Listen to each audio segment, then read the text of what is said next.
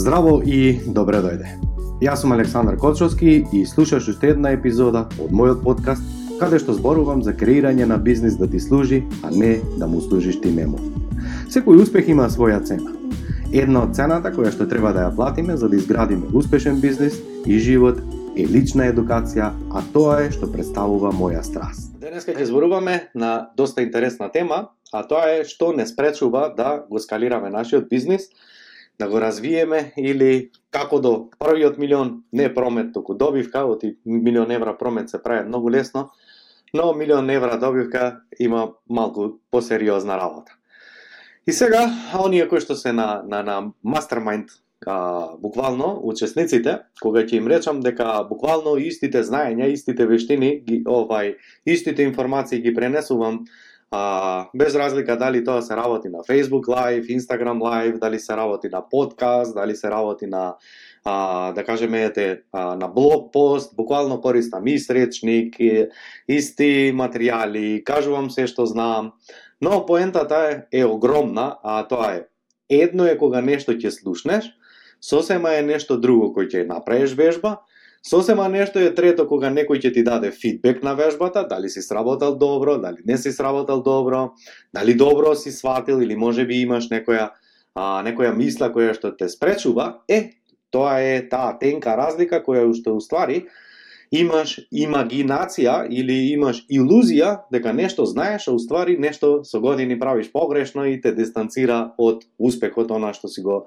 замислил сам. И на кој ќе речеш па да, зошто денеска би запишувал тренинзи, обуки, семинари, кога се има јавно, кога се има нели на YouTube, на подкасти, на чуда имаш Но тоа се само информации и на YouTube, и на подкаст, и на ова, се само информација, ти со тие информации не можеш нешто многу да, да трансформираш, единствено можеш да го направиш кога ќе седнеш, кога ќе сработиш вежби, кога некој од страна ќе ти кажал ова е окей, ова треба назад, ова треба да доработиш, ова нешто си мислел наопаку или како и да, а тоа го викаме фидбек. Значи фидбек не е ништо друго, туку огледало како нешто си сработил, а како не, и тоа е една од причините која што те гура назад и впрочем јас како ментор секогаш на учесниците на мастермајнд на било која една одговорена вежба им кажувам дали е окей, дали не е окей, дали треба да се потрудат уште еднаш, дали било тоа поентата на вежбата или сосема нешто друго, дали треба уште еднаш, уште два пати, уште пет пати да се вратат и тоа е убавината за што не тера да, да растеме. Конкретно врзана тема. И сега вечерва ќе зборувам за една друга тема, а тоа е што е тоа што не спречува, рековме, да успееме во нашиот бизнис. Е, првата и основна работа е што се трудиме и што сакаме секогаш да ги задоволиме сите. Што значи тоа да ги задоволиме сите? Е па, види, има од мене и лягници попаметни луѓе кои што имаат многу попаметно од мене да кажат, но немаат храброст да запали Инстаграм или Фейсбук камера и да почне да зборува. Зошто? Затоа што што ќе рече некој кога ќе го слушне, па не дај Боже сосед, па семејство, па пријатели, па што ќе помислат за мене, па што ако сгрешам, па што ако не знам кажам нешто што не треба, е, тоа се се внатрешни гласови кои што ти се деструктивни, а тоа не се твои гласови, туку тоа се гласови на твоите родители, на твоите баба и дедо, или луѓето кои што те растеле, оти ти цел живот ти кажувале што те е добро за тебе, што не е добро за тебе и јас не мислам сега после ова видео да се караш со твоите родители, баба, дедо или а, не знам старатели, туку само сакам да ти кажам, оти ние кога ќе купиме телевизор, компјутер, машина за перење или што и да е, ние купуваме предмет, но купуваме и упатство и упатството го читаме. Но кога ќе добиеме деца, Ние никој од нас не прочитува ниту една книга, ниту еден семинар и трескаме глупости, ги пренесуваме нашите верувања на нашите деца и на тој начин правиме неспособни луѓе, ги ограничуваме дека тие не се способни, дека има две леви раце, две неви нозе, па ти немаш појма математика, од тебе не бидува ништо за физика, од тебе ли ќе биде бизнисмен, две овци да ти дадам ќе ги загинеш, исти си као чичкоти, исти си као војнати, иста си као овој, види го брат ти ова прави, ти не знаеш тоа, значи постојано не споредува, дали тоа се лошо, не се лоши, не ни мисла лошо апсолутно, но сето тоа влијае да не програмираат на неуспех, од јасна 4, 5, 7, 8 годишна возраст, немам свесен дел со умот, кај што можам да проценам дали овие изјави кои што ми ги упатуваат, или пораки, или поуки, или мислења, или ставови, или како и да е, воопшто јас немам став критички истра во мене, за да можам да донесам одлука или да просудам, дали овој човек кој што ми го збори тоа мене, дали тоа е за добро за мене, дали не е добро за мене, дали ми служи, дали не ми служи, дали јас се согласувам, не се согласувам, буквално се што доаѓа од една авторитетна личност, ние сето тоа го впиваме,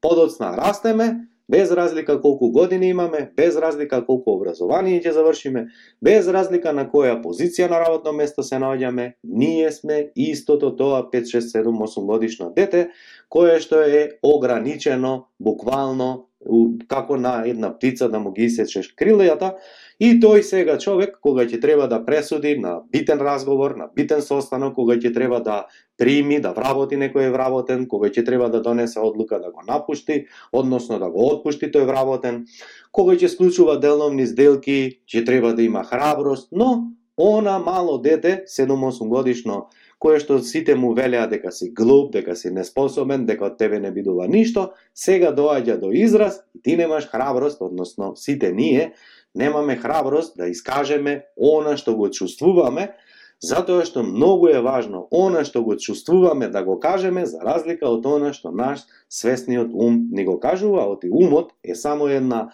пачварница, би рекол јас, е наједноставен израз, оти тоа не се наши мисли, току тоа се мисли на множината, односно на луѓето од наше окружување, на наши дедовци, баби, дури и генерации покојни, нема да ти комплицирам, Но само ти размисли дали уствари тоа што личиме ние физички на некој дедо, баба или прадедо, прабаба, дали уствари ние само физичките карактеристики ги наследуваме или може би имаме и некои наследни карактерни особини, нечиви искуства, нечиво знаење, нечиви вештини од генерации и генерации на назад.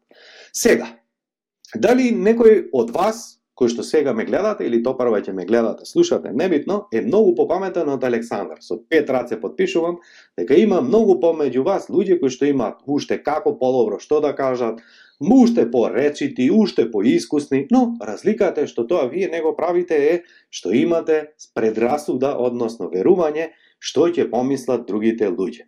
Па Ајде малку да влеземе под лавока, да ти објаснам, да видиш колку мене ми е гајле од оваа детска болест која што едвај, едвај ја преживеав, тоа не е тоа толку така лесно. Ако ме примети на изминативе видеа, како пцујам, викам, дрско се однесувам. Тоа не значи воопшто дека сум во приватен живот таков. И оние луѓе кои што се блиски до мојот круг, обично ако ме гледаат и ми пишуваат пораки, што ти станаве, што не не пцуеше, не викаше, што се случи со тебе, што е работава, луѓето кои што ме знаат дека кои сме на мастермајнд кој тренинг, кои не знам соработуваат со мене, знаат дека воопшто во мојот речник пцовки не постојат, дури и јас некогаш кога ги прегледувам видеата, оти некогаш и само од себе учам, се чудам од каде најдов такви изрази, но ете најверојатно требало. Но, што е поентата со сето ова? Буквално се што правам во животот правам со умисла, а тоа значи следно. Во бизнисот има неколку битни бројки кои што треба да ги следиме, како би знаеле дали нашиот бизнис расте или не расте. Некој тоа го врзува со промет, некој тоа го врзува со продажни разговори, некој тоа го врзува со профит, но мене во мојот бизнис единствен показател дали мојот бизнис расте или не се а, формата, прашалникот кој што го пополнуваат луѓето кои што сакат да пристапат во мастермайн тренингот.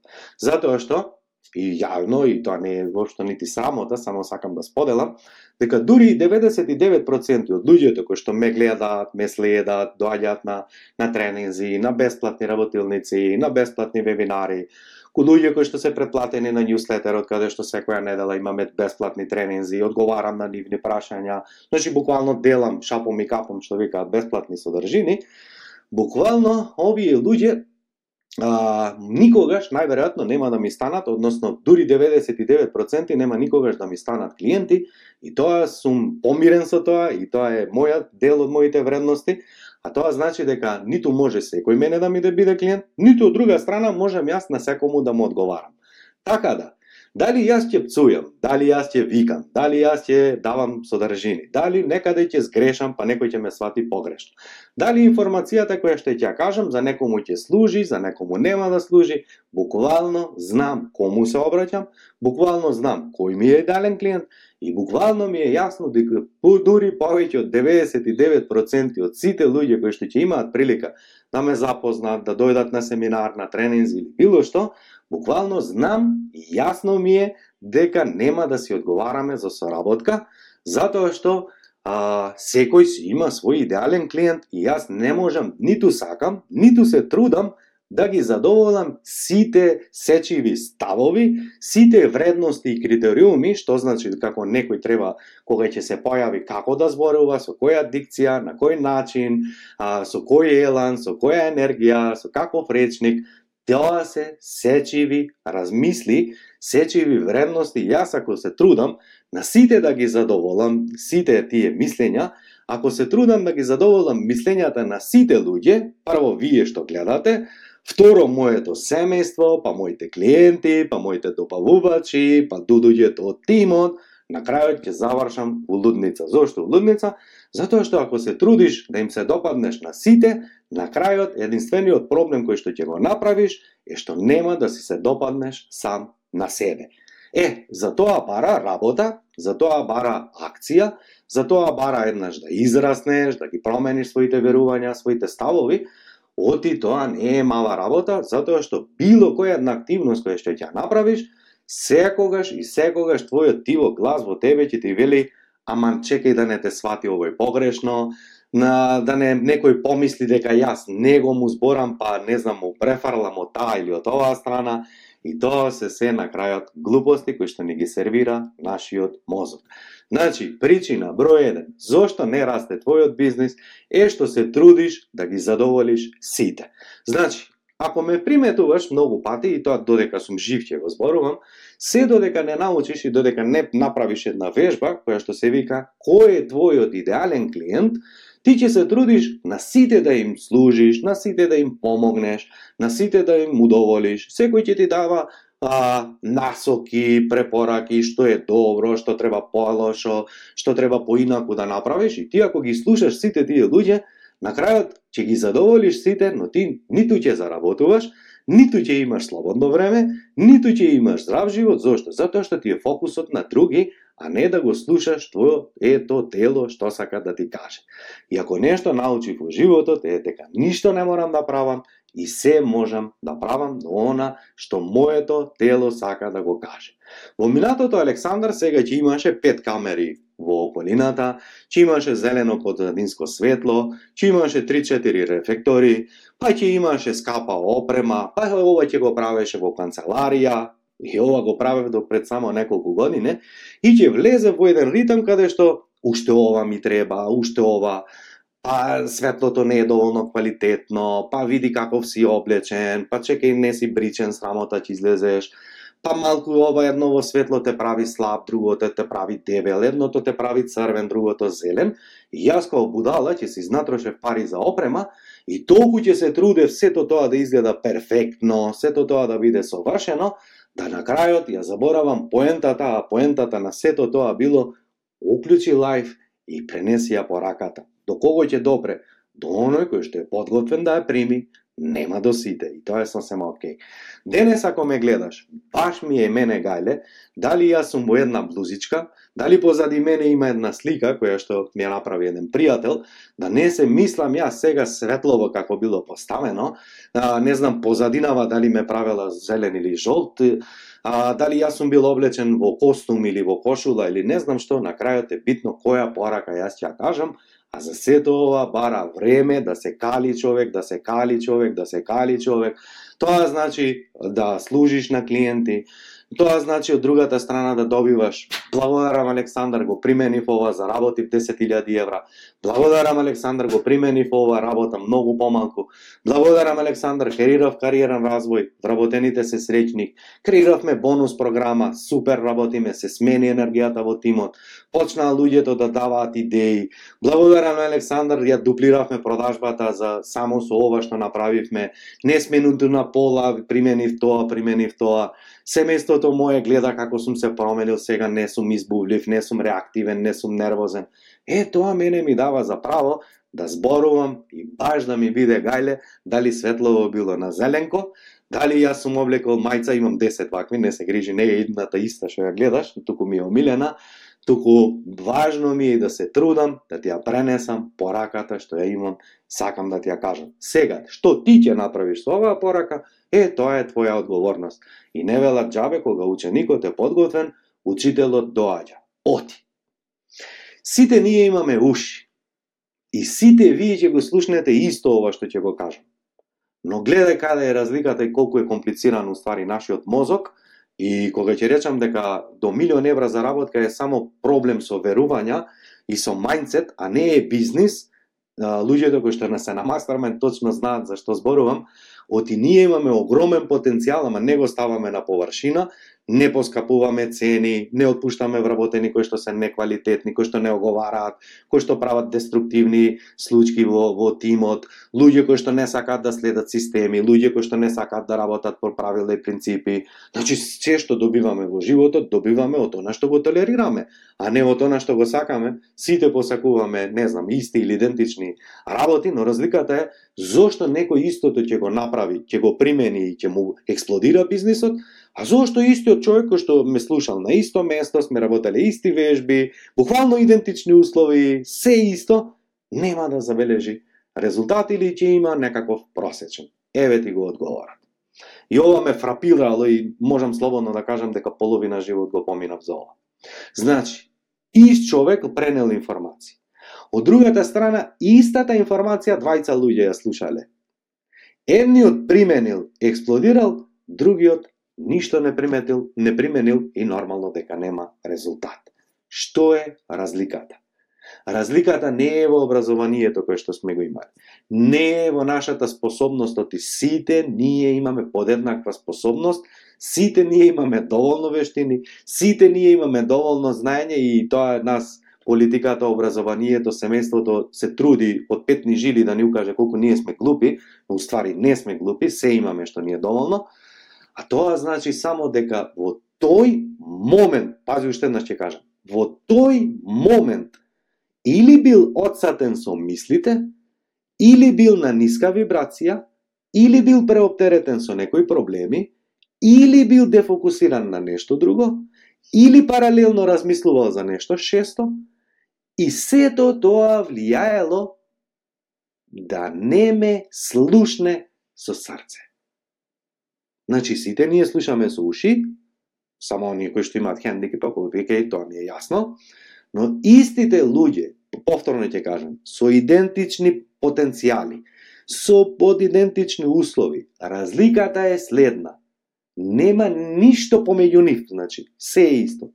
Разликата е само во даден момент едниот бил отворен, присатен, за да ме слушне и толку. Кога прв пат бев, односно втор пат, ајде, прв пат беше бизнес академијата, па коучинг академија и се останата, кога бев кај а, Пол Мартинели, тренингот траеше интенсив, три, ај се извинувам, два викенди по три дена и чинеше 7.500 евра. И кога ја продадов колата, сопругата не ми правеше муавет еден месец ништо не задржавме, па ова, па она. Е, немав кеш, ама знаев дека ако уплатам, морам барем толку да вратам пари назад.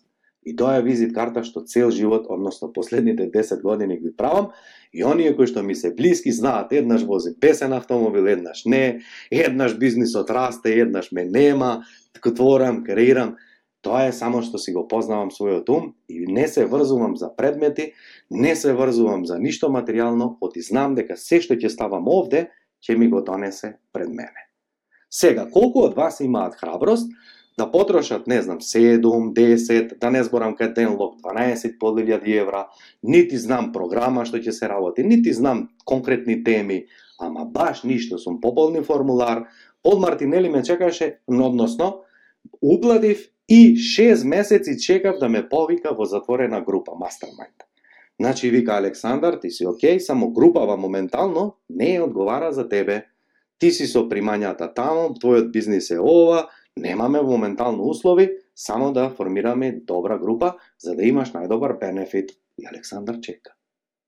Не размислував ја овој сака да ми го граде парите, ќе ме направат будала, оти ја продадов колата, зуплатам тоа, ги трпев ударите од дома, ти си будала, 6 месеца ќе го чекаш, да. Ама, една изјава на право место ќе ти го смени цел живот. Една реченица, пази, ти истата таа реченица можеш да ја слушаш 200 пати на интернет, 300 пати у книга да ја прочиташ, на YouTube 500 пати можеш да ја слушаш истата. Ама она што нема да го платиш, твојот ум нема да го регистрира. Не велам дека е сето ова лошо што во моментот, само сакам да ви кажам, ако сакате брзи резултати, парите се замена за брзина. Ако сакаш да заработиш побрзо, ако сакаш да го скалираш побрзо бизнисот, ако сакаш некој да те удри клоцов газ за да те избаци надвор да правиш нешто што инаку немаш храброст да го направиш, а знаеш дека треба, оти го тоа што го имаш е само резултат на тоа што го толерираш, едноставно плаќаш со пари. И јас секогаш викам на сите предприемачи у животот што сум им го правил Јас не сум најпаметниот консултант. Јас не го знам подобро вашиот бизнис од вас. Единствената разлика е што јас добивам пари за резултатите кои што морам, односно сум се обврзал да ти ги испорачам. А разликата е што ти не мораш ништо да спроведеш од она што јас ќе ти го кажам. Значи, дали сите ние знаеме дека треба да држиме состаноци? Да. Дали знаеме дека сите треба да работиме по работни налози? Да. Дали знаеме сите дека треба да одржуваме тренинзи, обуки, нашето знаење да го пренесеме? Да. Дали знаеме дека се што не нервира во животот со нашите вработени, со нашите клиенти, дека треба да го ставиме на хартија, да направиме правила, процеси, процедури, како повторпат тоа никогаш да не се случува, а не да викаме, евре перо стопати го работаме истото, пак грешиш, пак грешиш стопати ти реков, види ова, е, тоа се вика правилник, процедура, процеси, системи, се останато. Значи, Луѓето не се глупи, но имаме аудитивни, има луѓе визуелни, има луѓе кинестетички. Додека јас ова не го научив, јас мислев дека сум глупи, дека за мене математика не бидува. Односно, од мене не бидува математичар. Буквално ќе се заправиме деца во школа, соученикот стои до мене, ќе не праша наставничка учителка, што зборев јас, што предавав јас, јас буквално памтам се што ќе слушнам, И буквално може да ме праша некој пред 15 години што рекол, каде рекол, како рекол, буквално ќе му пренесам тој збор. Но за да, да му кажам здраво на некого и да му се поздравам, треба да го видам најмалку 5-6 пати, да му го запомнам името, да поврзам нешто со него, за да го запомнам ликот, Инаку кога бев мал, ќе ми вика моите абе, добро, зашто на колешкава не се поздравуваш, што се се воображил. Добро ме на пријателов, зошто не му се поздравуваш? што е во ред, срамлија си, вакви и такви, док ќе ме срамиш со луѓево или не знам што. Кој мене ми кажал дека јас сум аудитивен тип. Значи, кај некого е развиен видот, односно визуелниот дел. Она што ќе го види, го памти совршено, ама он слабо памти тоа што ќе го слушне. Некој памети тоа што ќе го слушне, а помалку од она што ќе го види. Некој памти она што ќе го почувствува, во како се чувствува во моментот, дали му било топло, ладно, пријатно, непријатно, но кој нас ова не учеш? Ние завршивме образование, читај, пиши, памти, повтори и на тој начин завршуваме образование, се вработуваме и сега неаме појма. А се што може би требало да работи образованието на нашите верувања, да не научи како се заработуваат пари, како се управува пари, како се буџетира, како се инвестира, како да преживееме во тешки моменти, како да се снаоѓаме, како да бидеме борберливи, како да ни дозволат да грешиме. Зарем јас сум идеален? Милион грешки правам и ден денеска ги правам. Само разликата е што сега сум свесен дека нема поинаков начин освен на грешки. На грешките ги коригирам како би знаел во иднина да ги променам, а на она што носи резултат што почесто да го повторувам како би го испорачал истиот резултат. А што што ние се занимаваме со кој е највисок врв во Кина, колку овци има во Франција и сега што ти помага тоа бизнис, ама јас сум завршил факултет, па супер. Значи, Се што в моментов не скалира твојот бизнис, се што немаш у твојот живот момент, а сакаш, посакуваш, се што немаш толку квалитетни клиенти за кои што ти цел живот посакуваш, знаеш на кому би му служел, а, знаеш за кого постои фирмата, знаеш со кој би сакал супер да соработуваш, е само што те дели е што ќе речат луѓето. Знаејќи го ова Александар, буквално денес треба за да одлучиш ти да бидеш кај мене на мастермайн програм, и ова не го зборам ја оти сакам да се чаламам, иако така многу ќе ме доживеат, а тоа значи само да ги преиспиташ своите верувања кои што ги имаш кон бизнисот, нели? Еве како изгледа кај мене. Мора да прополниш формулар. Зошто? Оти тој формулар не го спремав само јас, го дадов на психолог да го анализира, го дадов на колеги коучинг што им водат и се останат. Психотерапија и се. Зошто? За да поминат и да видат дали има гладко, а, јасен текст, дали води во грешна насока, да кога ќе ги одговорат луѓето прашалниците, точно уште од самиот прашалник знам дали со овој треба да соработувам, дали не треба да соработувам, буквално ласерски само од еден пишан текст.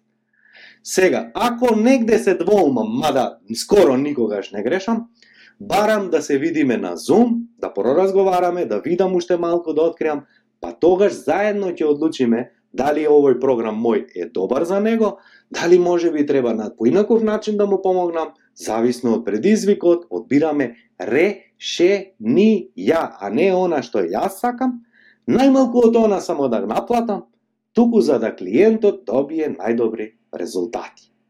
И никогаш, никогаш не правам веднаш, еве фактура, никогаш не правам, еве одма прашалник, никогаш не трчам, затоа што тоа е само тест период да видам колку е сериозен клиентот. Значи, ако примети, седум скалила треба да помине, како би ми било мене јасно да ми заштеди живци, нерви, време, стрес, некој кој што може би ќе направам пропуст некаде и ќе го прифатам, зошто? Само заради затоа што сум се полакомил во меѓувреме и сакам да ги наплатам средствата.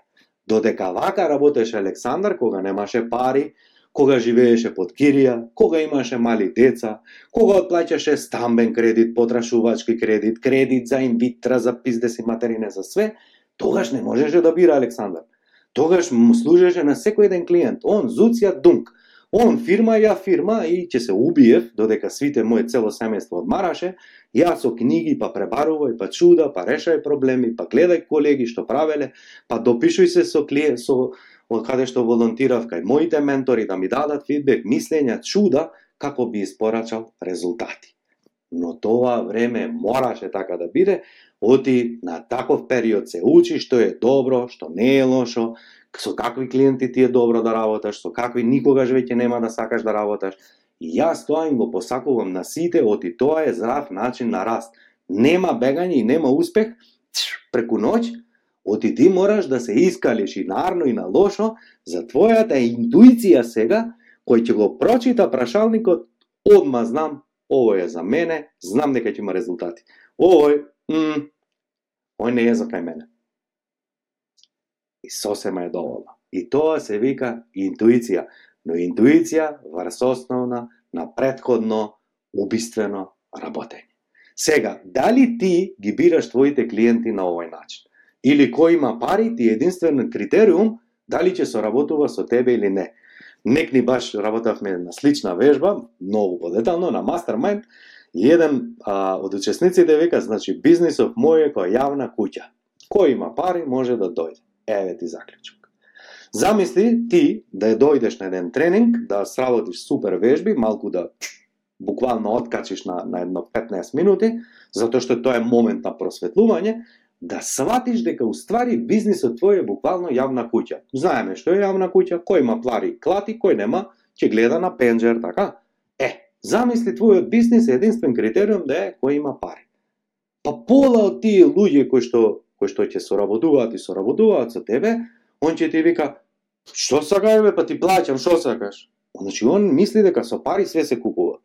Втора работа, ти никад нема да бидеш доволно добар за него. Зошто? Затоа што тој ја има моќта, немаш ти. Вие немате вин-вин ситуација, што даваш ти до каде, што да зема он и до каде. Немате ви, нема, немаш јасност. Значи, он мисли ако има пари, дека треба ти да му бидеш се и свашта, дека он може да ти се јави кога ќе му текне, да ти пише кога сака, ако не ти му се јавиш да ти пише и на Viber, и на SMS, и на MMS, и на теткамес, на све, затоа што он мисли дека он те купува со пари. Е па јас не сум на продавање. Точно е дека маркетинг е продажба, точно дека секоја продажба ништо живо не продаваме, ни кли, ни производи, ни услуги, оти преку секоја една продажба ние се продаваме, оти секој еден без разлика јас во која фирма работам, без разлика што продавам, без разлика што произведувам, клиентите, односно моите соговорници, ја доживуваат мојата компанија, моите производи, моите услуги, фарс база на она што ќе го види во мене. И затоа секогаш вашите клиенти, ако ве бараат, а кај е Перо? А, Перо е на пауза. Ако ќе се врати, нешто да му пренесам повелете, не, не, со него а, со него. Или може би вие сте собственик кој што цел живот вас ве бараат клиентите и ти имаш предрасуда, ако ме нема мене во бизнисот, нема кој да ги услужи клиентите. Јас не можам да делегирам задачи затоа што се мене ме бараат. А јас морам се живо да работам затоа што мене ме барат и така го пораснав бизнисот и сите сакаат со мене и јас имам страв да ги препуштам клиентите, оти, оти, оти што оти? Оти само овде имаш проблем. Мислиш дека ако те нема тебе или ако некого вратиш, дека ти ќе ја изгубиш работата. Епа, еве ти ја и поентата на денот. А тоа е следно. Бизнис не се скалира со повеќе работа. Нешто преки на интернетот, да одиме понатаму. Значи, бизнис не се скалира со повеќе работа. Бизнис не се скалира со повеќе клиенти. Бизнис не се скалира со ако си работел 3 часа во денот да работиш 30 часа. Бизнис не се скалира ако си имал 10 вработени, сега да имаш 110 вработени. Бизнис не се скалира ако ти имаш 5 производи, сега да имаш 50 производи. Значи, тоа е само твои предрасуди дека јас не сум доволно добар, дека моите производи не се доволни добри. И ги слушаш другите луѓе кои што ти викаат, а има ова и ти бап нарачај, а има ова бап нарачај, а има ова бап нарачај и си направил јавна куќа.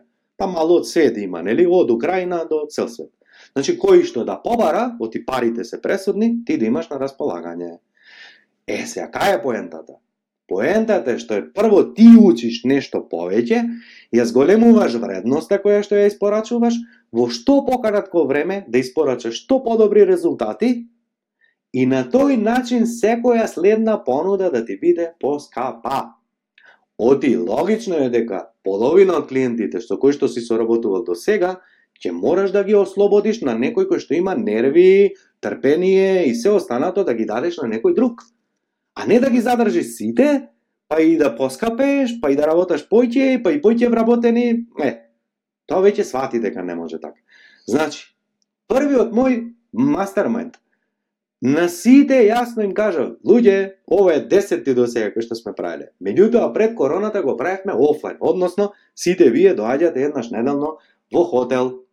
Тоа беше скапо, чинеше време и се останато. Короната беше, ти објаснив во минатото видео, И викам, ајде да тестираме како се ова би изгледало и би звучело и колку резултати би испорачале и би добиле луѓето, кога сето ова би било на интернет, онлайн. Јас ги, скон, ги скоцкав сите модули што знам дека во секој еден бизнис е и така како важни и викам, луѓе, сега е само е смешна цена, оти не ми е поентата ниту да заработам, ниту да изгубам, нити ништо, само експериментирам, а знам дека ќе добиете сите вредност, И секој кој што е храбар да дегне рака, знам дека ќе добие најдобри бенефити, односно, а, додека го креираш програмот, додека развиваш, додека учиш, јасно е дека треба да бидат они пофлексибилни, а од друга страна јас да им испорачам многу резултати.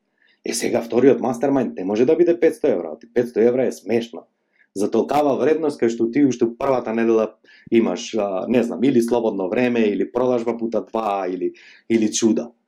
И нормално е јас дека нема, не е мојата цел во една година да поминат 200 учесници, па да се расчепим, значи буквално секој ден да имам по 16 термини и да не знам главата кај ми е, нели? На крајот ти секој има граница, нели? Или на крајот да идам у бърнаут и да немам време сам да се едуцирам, да немам време за семејство, да немам време да се едуцирам, да се одморам, да работам на поквалитетен програм и се останато, како би служил уште подобро на луѓето, туку мојата поента е следна. Се што ми треба за 2023 се 230 луѓе со кои што ќе работиме следните години. Оти првиот мајн, првиот мастермајнд е најчесто рушење предрасуди. Првиот мајстермајнд е да те ослободам во сите модули, од маркетинг, од па, продажба, од неодолива понуда, од системи како се градат, од процеси, од а, развојна стратегија, од финанси, од се останато, нели? Да ти го послужам бизнисот, да имаш време, од ја ако ти извадам тебе жж, под бизнис надвор, ја ти ќе можеме да водиме бизнис. Ако ти си цел ден вклучен таму у бизнис, со кого ќе работам јас? Ти ќе ми викаш, е, јас работа вежба, па не имав гужва, па не имав клиент, па не ова, значи тоа не е бизнис.